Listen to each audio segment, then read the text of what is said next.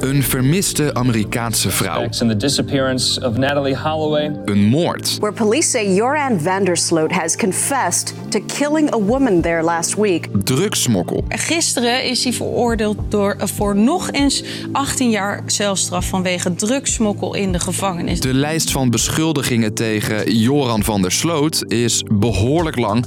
En nu moet hij weer voor de rechter komen. Alright. Ik ben Dennis en ik vertel je waarom Joran van der Sloot opnieuw in het nieuws is. Ik heb geen konjo gezegd, Patrick. Geen konjo. Lang verhaal kort. Een podcast van NOS op 3 en 3FM. 4 februari 2008. Misschien zat jij net als 7 miljoen andere Nederlanders ook wel voor de tv. Niet voor een songfestival of een belangrijke voetbalwedstrijd. Goedenavond. Maar voor Peter R. de Vries. Welkom bij het programma dat onderzoekt, ontmaskert, aanklaagt, verdedigt. Die undercoverbeelden laat zien van de Nederlandse Joran van der Sloot. Al vinden ze dat meisje dood met mijn sperma erin doen, dan kunnen ze dat niet meer doen? Ze niks meer doen. Hij zegt meer te weten over Natalie Holloway, een Amerikaanse student die op dat moment al drie jaar vermist wordt. Joran was met haar op de avond dat zij verdween. What the fuck is say, De beelden gaan de hele wereld over. Uh, secretly recorded videotapes finally solved the Natalie Holloway case. Maar tot een veroordeling van Joran komt het niet, omdat er naast die uitspraken geen bewijs was. Last person Natalie was seen with was arrested, released, arrested again, released again. Een paar jaar later moet hij wel de cel in voor een heel andere zaak. Hij krijgt in Peru 28 jaar voor de moord op de 21-jarige Stephanie Flores.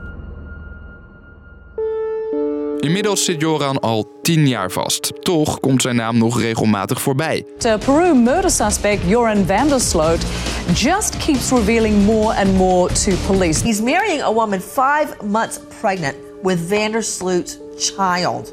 How did that happen? Ook zijn strafblad groeit in de cel gewoon door. Ik denk bijna dat het niet nog erger kan met deze man, maar toch wel blijkbaar. Gisteren is hij veroordeeld door, voor nog eens 18 jaar celstraf vanwege drugsmokkel in de gevangenis. Het gevolg: Joran zit tot 2045 vast in Peru.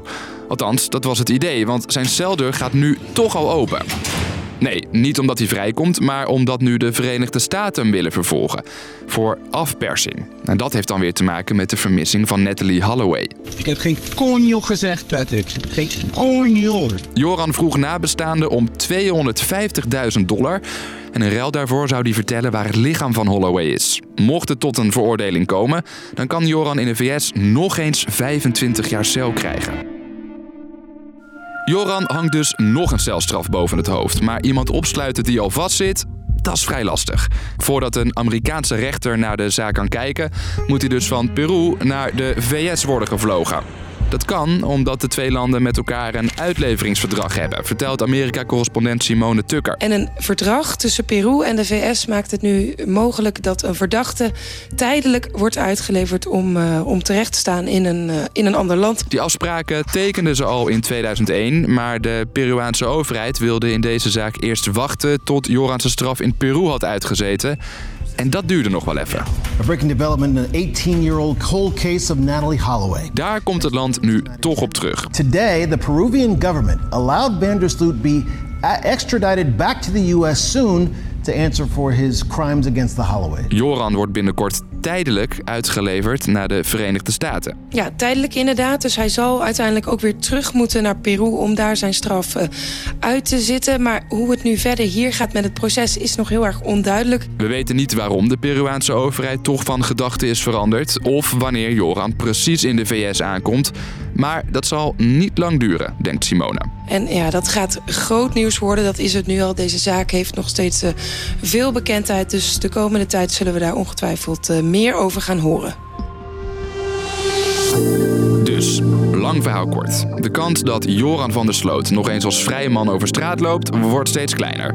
De Nederlander zit al een lange gevangenisstraf uit in Peru vanwege de moord op Stephanie Flores.